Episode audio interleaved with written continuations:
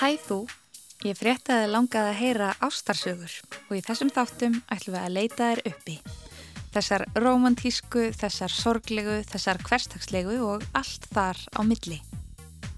En róhólegur kúriki, svart hvita hetjan mín, bláu augun þín, þessi sál, þessi hugur, tráir þig.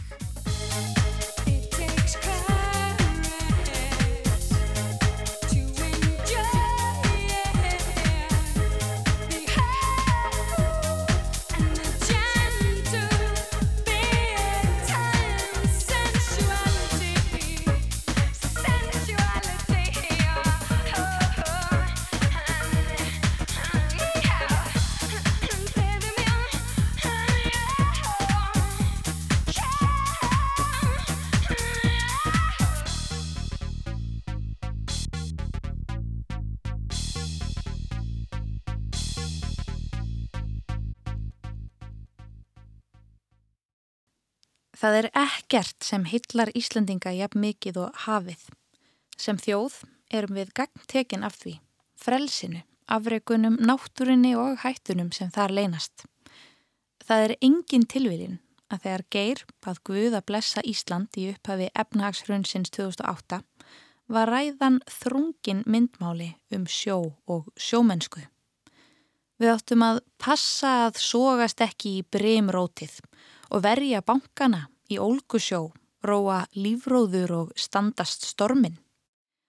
Kanski ef Geir hefði ekki ákallað Guð heldur njörð eða Poseidon hefði fallið verið mígra.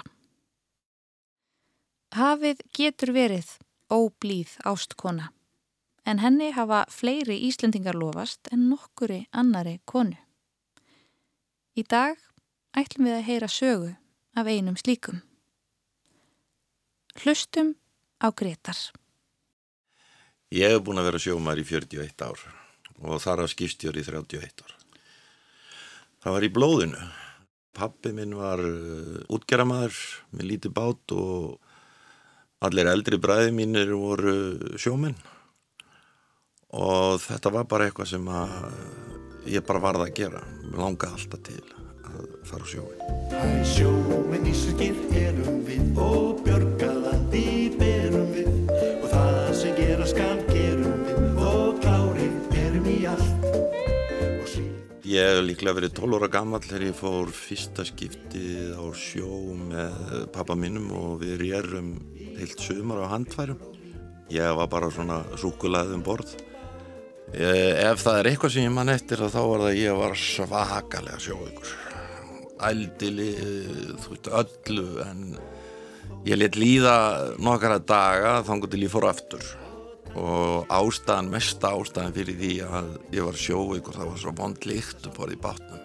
Það var bara ræðilegt óljulikt og alls konar viðbjóslega líkt og það, það var bara ekki hægt að uh, liggja einu sinni í kóju ég var að vera að liggja bara upp á dekki það var svo vond líkt, það var ræðilegt og svo þegar pappi byrjaði að elda þá yfirleitt sett hann kjöt og kartöflur og allt eða fisk og í, allt í sama pottin og svo var þetta sróðið í ábyggilega eitt og tíma það skipti engum mál hvort það var fiskur eða kjöt. Og fara svo niður og borða þetta þetta var bara, þú veist, ég, ég bara koma niður í lúkar þetta var lítill bátur, 12 tonna bátur bara koma ofan í lúkar var bara ræðilegt en það var alltaf eitthvað sem dróð mig að fara aftur og aftur og aftur og svo hvarf sjóveikin og, og þá var þetta allt í, allt í góðu sko. Svo árið eftir að þá var allir vinni mínu sem voru í skóla þeir fór allir að vinna í fiskvinnslu við byggum í Grindavík þá og mér fannst það eitthvað að vera þú veist málið að fara að vinna í fiskvinnslu með félagunum þannig að ég fór og vann það sumar í fiskvinnslu og síðan þá hef ég ekki unnið í landi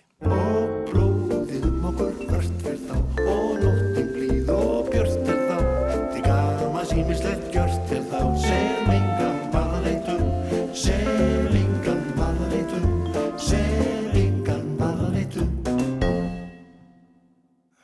Það hefur bara verið í genunum eða eh, í mér eða eða eitthvað hafi bara laðar það er bara eitthvað sem að tógar í mig að fara á sjóin og það er eina sem ég kann og eina sem ég er raun og verið vill kunna. Og fyrstu árin mín á sjó og þá elska ég vond veður. Það var bara, það var nógu vond veður og þá var ég í mínu besta fíling sko. Það er alveg stór breyting á núni í dag. En það var eitthvað við það að taka þessa áskorun að bara finna sjóin skella í andlutin á sér og það var bara eitthvað við það síðan þá að það er eitthvað við sjóin sem að dregu mig bara eitthvað stert segulstál. Það er bara mín ástriða sko.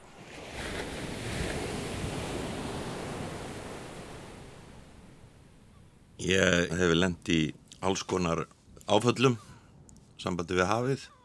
Ég ber ekki eins mikla virðingu fyrir neinu eins og hafinu og ég hef séð hvað sjórin og, og vindurinn geta gert.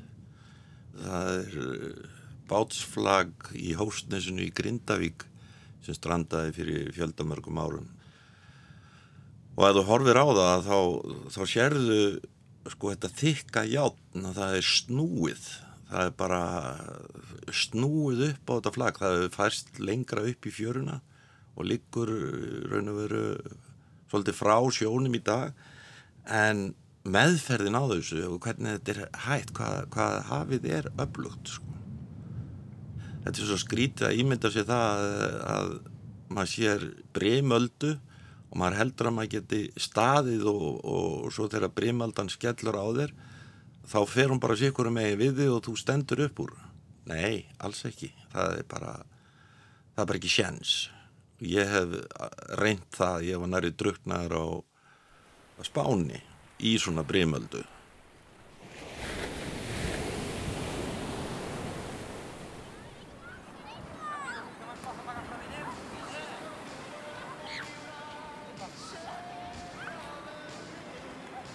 Ég og félagið minn vorum að leika okkur í sjónum. Ég hef verið svona um tvítugt eitthvað svo leiðis, rúmlega það. Og það var svo mikið brem að við fórum og náðum okkur í vindseng, fórum út í sjóin og það var svona flaggakerfi. Það var sem sagt, ef það var flaggað grænu þá var allt í lægi, ef það var flaggað gulu og þá áttum maður að sína varkafni en ef það flaggar rauðu þá máttu maður ekki fara í sjóin og það var vís rauðt flagg við höfum ekki hugmynd um það. Og kunnum ekki á þetta og við fórum að leika okkur alltaf í sjónum og, og vorum alltaf að fara auðar og auðar þar sem að öldurna voru stærri. Og í einni breymöldunni þá hrifsa hún af okkur vindsvenginni og hún fór í einu broti bara upp í fjöru. Og ég segi við vinn minn, heyrðu ég ætla að fara og sækja vindsækina og ég byrja að fara á stað og þá ger ég mig grein fyrir því að ég hef bara svogast út. Vinnu minn hann var aðeins utar en ég svona 5-10 metrum utar en ég. Og ég reynda að kalli í hann til að segja hann með það en hann var bara horfin í breymskablana og, og það var eina sem ég gætt hugsa mér að það var bara bjarga í einskinni og þar hóst upp einhver sá erfiðasti lífróður sem ég nokkuð tíman vitað.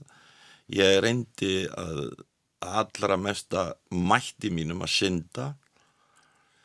Og þegar ég svona náði að stíga í botn og alltaf ég að reyna að synda og ganga en það var útloka, sandurinn bara sogaðist undan löpunum á okkur eða mér. Og ég barst alltaf lengra til hlýðar ég barðist eins og ég gatt og þegar ég kom í næra þá sé ég svona brúsa nokkra brúsa og floti og band á milli. Þannig að ég hugsaði mér að það ég fef bara þarna og toga mig í land. Næ svo í, í spottan og byrja að toga mig átt að landi en þá voru brimskaplandir svo svakalegir að það er bara ég grítist bara honni í sandin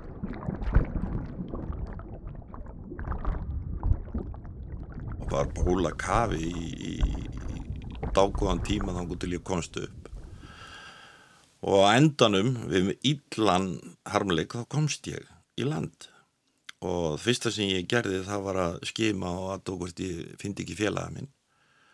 Og ég gæti ekki síðan með nokkru móti þannig að ég ákveða að fara að hlaupa og ég sá þarna eitthvað rauðakross merkja á einhverju tjaldi og ætlaði bara að hlaupa þangað og byggja þá um aðstóð og þegar ég er tæplega hálnaður á leiðinni þá sé ég vinn minn koma upp í fjöruna og ég var svo gladur við föðumöðust þarna bara eins og við hefðum verið heimtur og helju.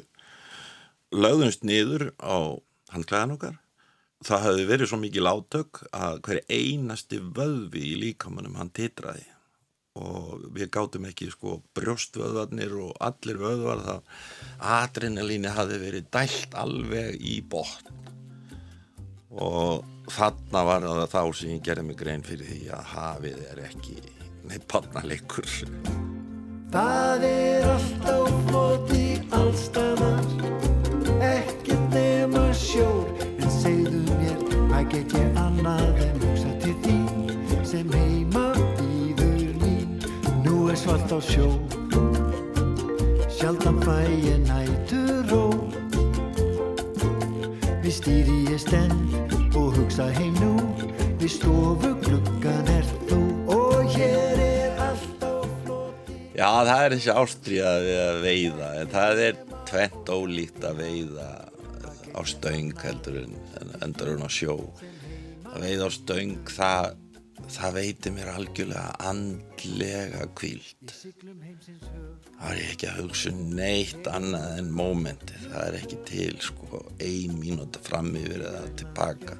Það er bara þetta móment og ég elska að bara sita á bakkanum og horfa á makkerinn sko sem er með mér á stöng vera að veiða og vonast að hann setja í fisk. Það er bara, þú veist, þetta er svo þetta er svo æðislegt sko Það er alltaf floti allstaðar Ekkert nema húlum hæ Hvað get ég annað en hugsa til því sem heima býður mér ég var eins og að veiða í Rússlandi og var að segja einhverjum manni frá því að ég væri hattunni sjómaður og, og svo þegar ég sagði tækifæri til að þá fær ég að veiða sílungaða lags og þá sagði hann, er konaðið nokkuð hafmega?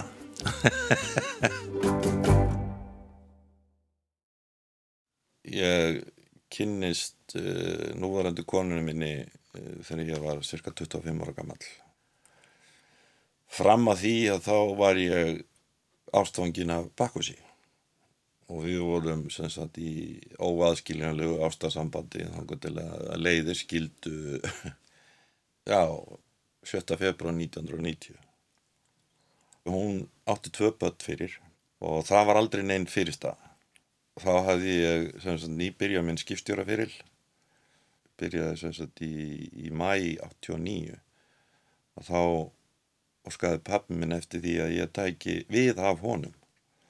Ég hafði aldrei verið með pappa á sjó, ég var alltaf annar staðar. Hann treysti mig fyrir því að, að taka við bátnum sem ég á gerði. Hún var með heimilið og uh, við eignust svo dreng uh, 91 og annan 96 og hún bara sá um öll mál. Sko, ég misti náttúrulega af heilmiklu, þú veist, fyrstu orðin og, og lappið og, og svona, þú veist. Og ég áttaði mig ekkert á því fyrir en að, að við hegnum spatnabann. Þá svona gerði ég mig grein fyrir því af hverju ég hafi verið að missa af.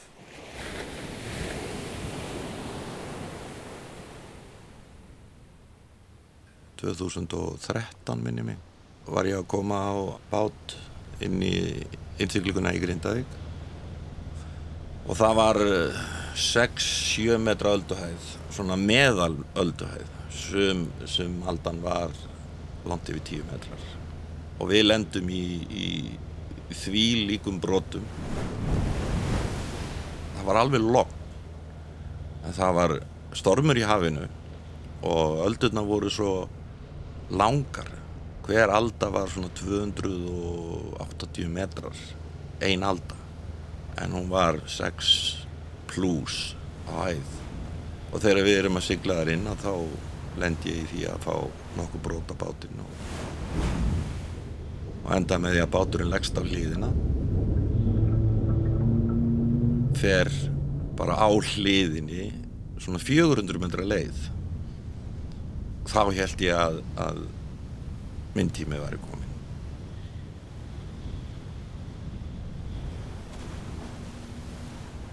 við vorum fjórir í áhöfn við vorum allir upp í, í brú og þeir voru byrjað að klæða þessi í flottgalana báturinn lág á hliðinu og ég horfði út um gluggan mín megin, hann, hann lagðist á þá hlið stjórnbórsliðina og ég sá bara sjó. Það var allt á kafi.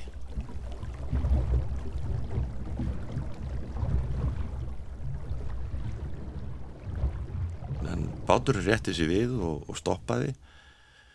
Hann hefur ekki verið meira en svona 30 metrum frá grjótvarnagörðunum sem eru þarna í innsiklingunni í Grindavík. Við vorum með tvær dragnætur það er veiðaferði sem við notum. Hver þeirra vegur svona 1,5 tonn þegar það er blöytt. Þar hefðu báða farið útbyrðis og hann voru fastar á bátnum. Og ég náði að draga þær inn inn fyrir gardana og þá var ég orðin safe. Við lönduðum aflánum og svo fór ég bara heim. Og þegar ég kom heima þá fekk ég bara tögu áfall Þér sem hefur þungan borið. Þráða gleði fregn ég ber. Bráðum kemur blessað vorið. Bráðum glaðna yfir þér. Ég var alltaf að endur upplifa þetta aftur og aftur. Og skamma mig fyrir það að hafa ekki valið það að fara til sangeris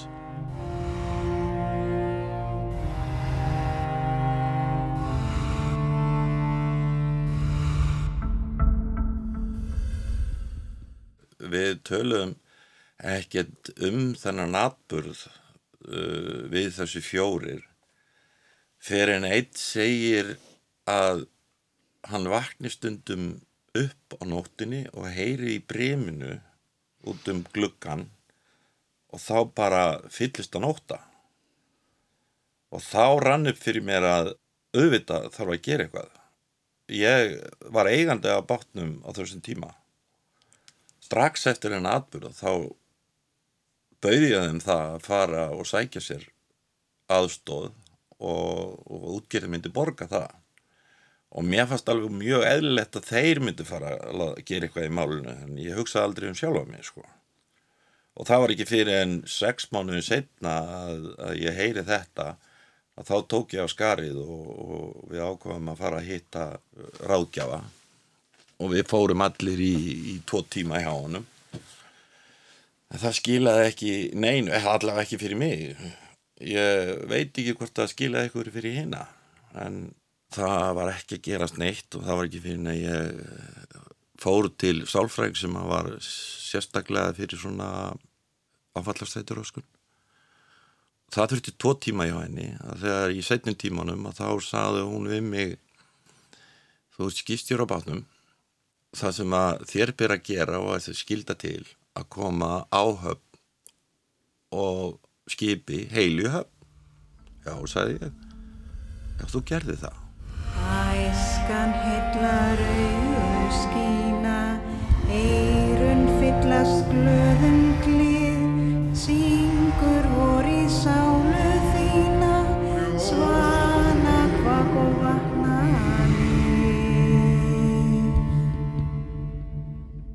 þá áttaði mig á því að sko hver ákvörðun sem ég tók fram að þessu var alveg rétt á þeim tíma sem ég tók hana.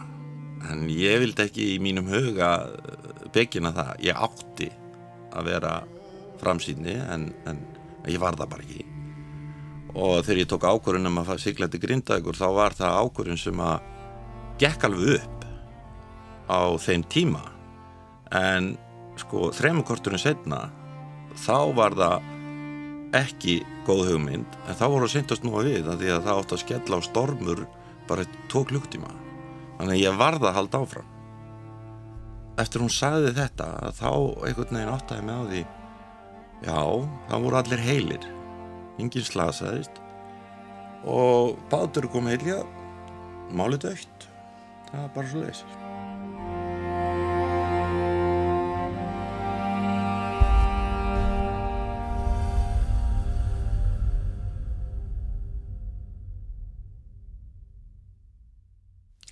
þetta hefur verið 2010, 11. Við átti 50 sammali 2013 og þá bauð kona mér til spánar og þar bara dætt ég í það, þú veist, bara rundi í það á, á þessu degi. Ég fór svo strax í meðferð þegar ég kom heim og eftir að higgja þegar ég fór að skoða fallbröðina mína, hvar þetta hefði byrjað þá fattaði það að það byrjaði þarna.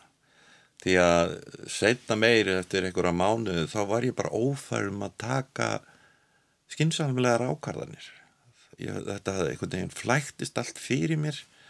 Ég hugsaði ekki raugreitt og, og þú veist og þetta vestnaði bara. En þarna byrjaði mín fallbraut og svo náttúrulega hlóðst utan á það því að ég ég tók, tók ekki ábyrð á neinu ítti öll frá mér og, og svona og þarna var þetta bara loka punkturinn að ég bara gafst upp og, og það var það eina sem ég kunni að það var að fara að drekka brennjum Og þá var hann valur að segja til svona Já sjómennskan er ekkit grín. Þá skildi ég sigla um eilífan aldur Ef aldurna breytust í Þá skildi ég sigla um eilífan aldur Ef aldurna breytust í vín Já sjómennskan, já sjómennskan Já sjómennskan er ekkit grín Já sjómennskan, já sjómennskan, já sjómennskan er ekkert grín.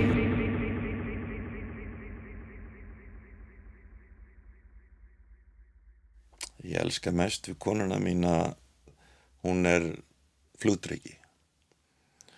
Hún svífur um heiminin og meðan að ég held í spottan. Og ef það væri ekki fyrir hana þá sæti ég niðri, en hún heldur mér uppi. Og það að þessi gleði í henni og þú veist, eh, stundum er erfitt að átta sig á því sko það sem að hún segir að modni að það er ekkit endilega víst að það standa að kvöldi.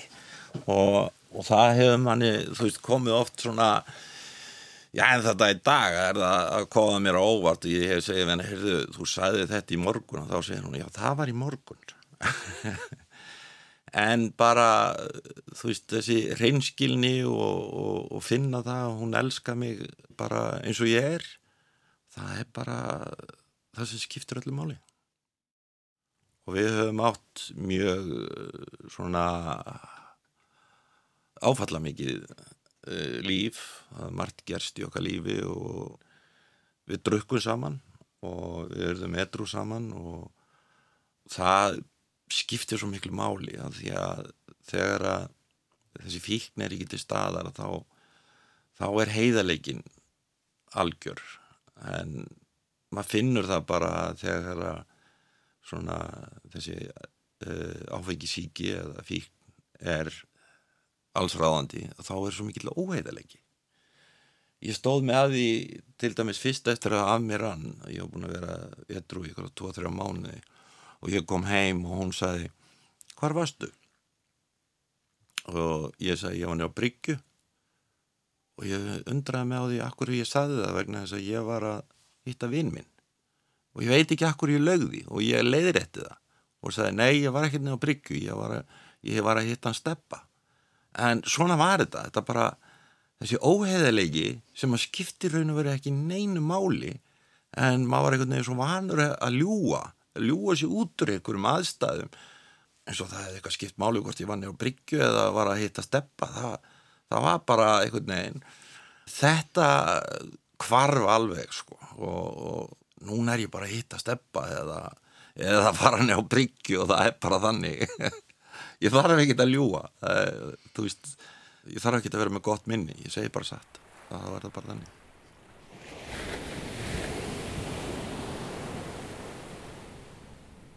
En ég á líka góða minningar af, sjónu við áhöfninu á farstal við björgum einu sinni áhöfn tveimu trillum sem að sökku. Langt út í hafi í kólsvarta myrkri það var hrein tilvílun það hefði bila hjá okkur.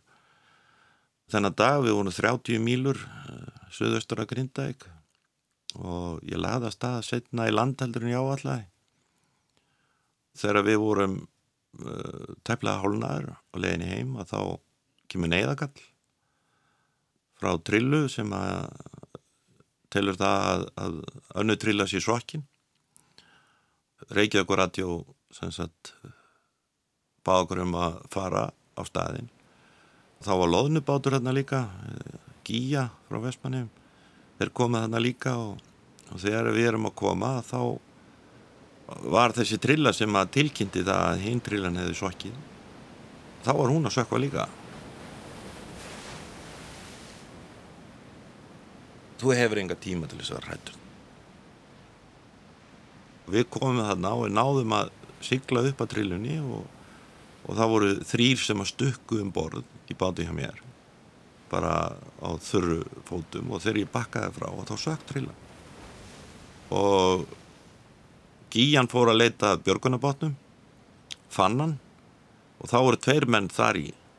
Og við náðum sérstaklega að, að hérna, taka þá með. Þannig að það voru fimm manns.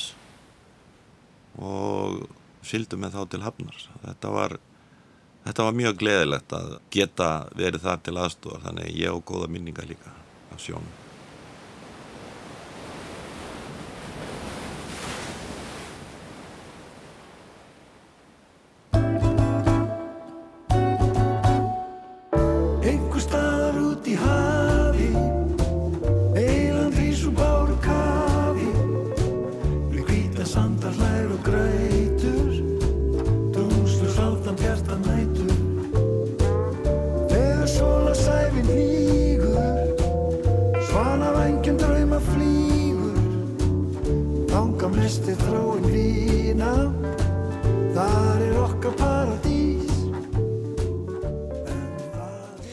Hvernig sérðu þá framtíðina fyrir þér, svona framtíð þína og, og hafsins?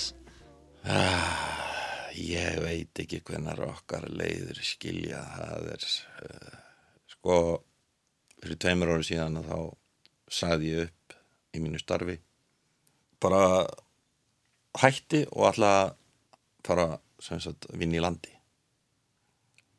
ég var alveg aðfram komin af áfallastrættur öskun á þeim tíma og, og hérna ég gat ekki fundið mig í þessari merkingu kuldnun í starfi. Ég var að reyna að tengja þar við. Ég gat ekki fundið það. En svo er annað sem heitir örmögn. Og þar fann ég mig algjörlega. Ég var bara örmagna. Þú veist, ég elskaði starfið mitt og geri það enn. En ég gat bara ekki meir á þeim tíma.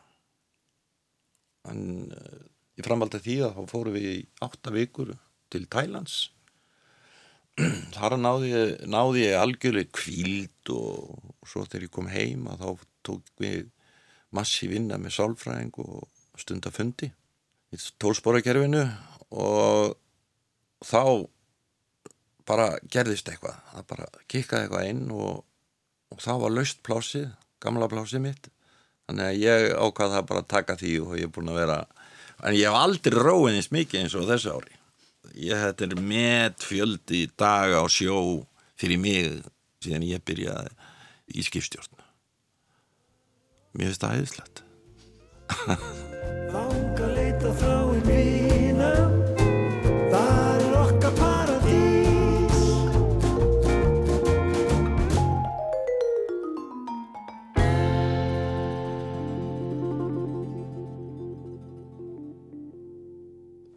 ég ætlaði að hætta þegar ég var 60 þegar ég var 60 ég var alveg búin að ákveða það fyrir löngu síðan. Þegar ég var 40 þá sagði ég ég ætla að hætta þegar ég var 60 ég hef verið ágætlega tekjuhár og gerði mig vonur um það að ég geti lifað af mínu lífurusjóskreislum og, og slíku.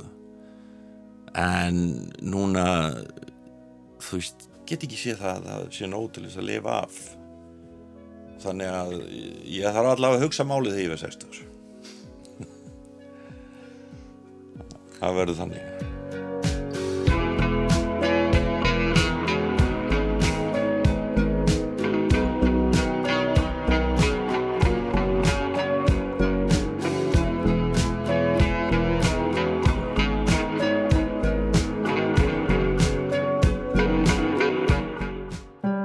Rás eitt fyrir forvitna.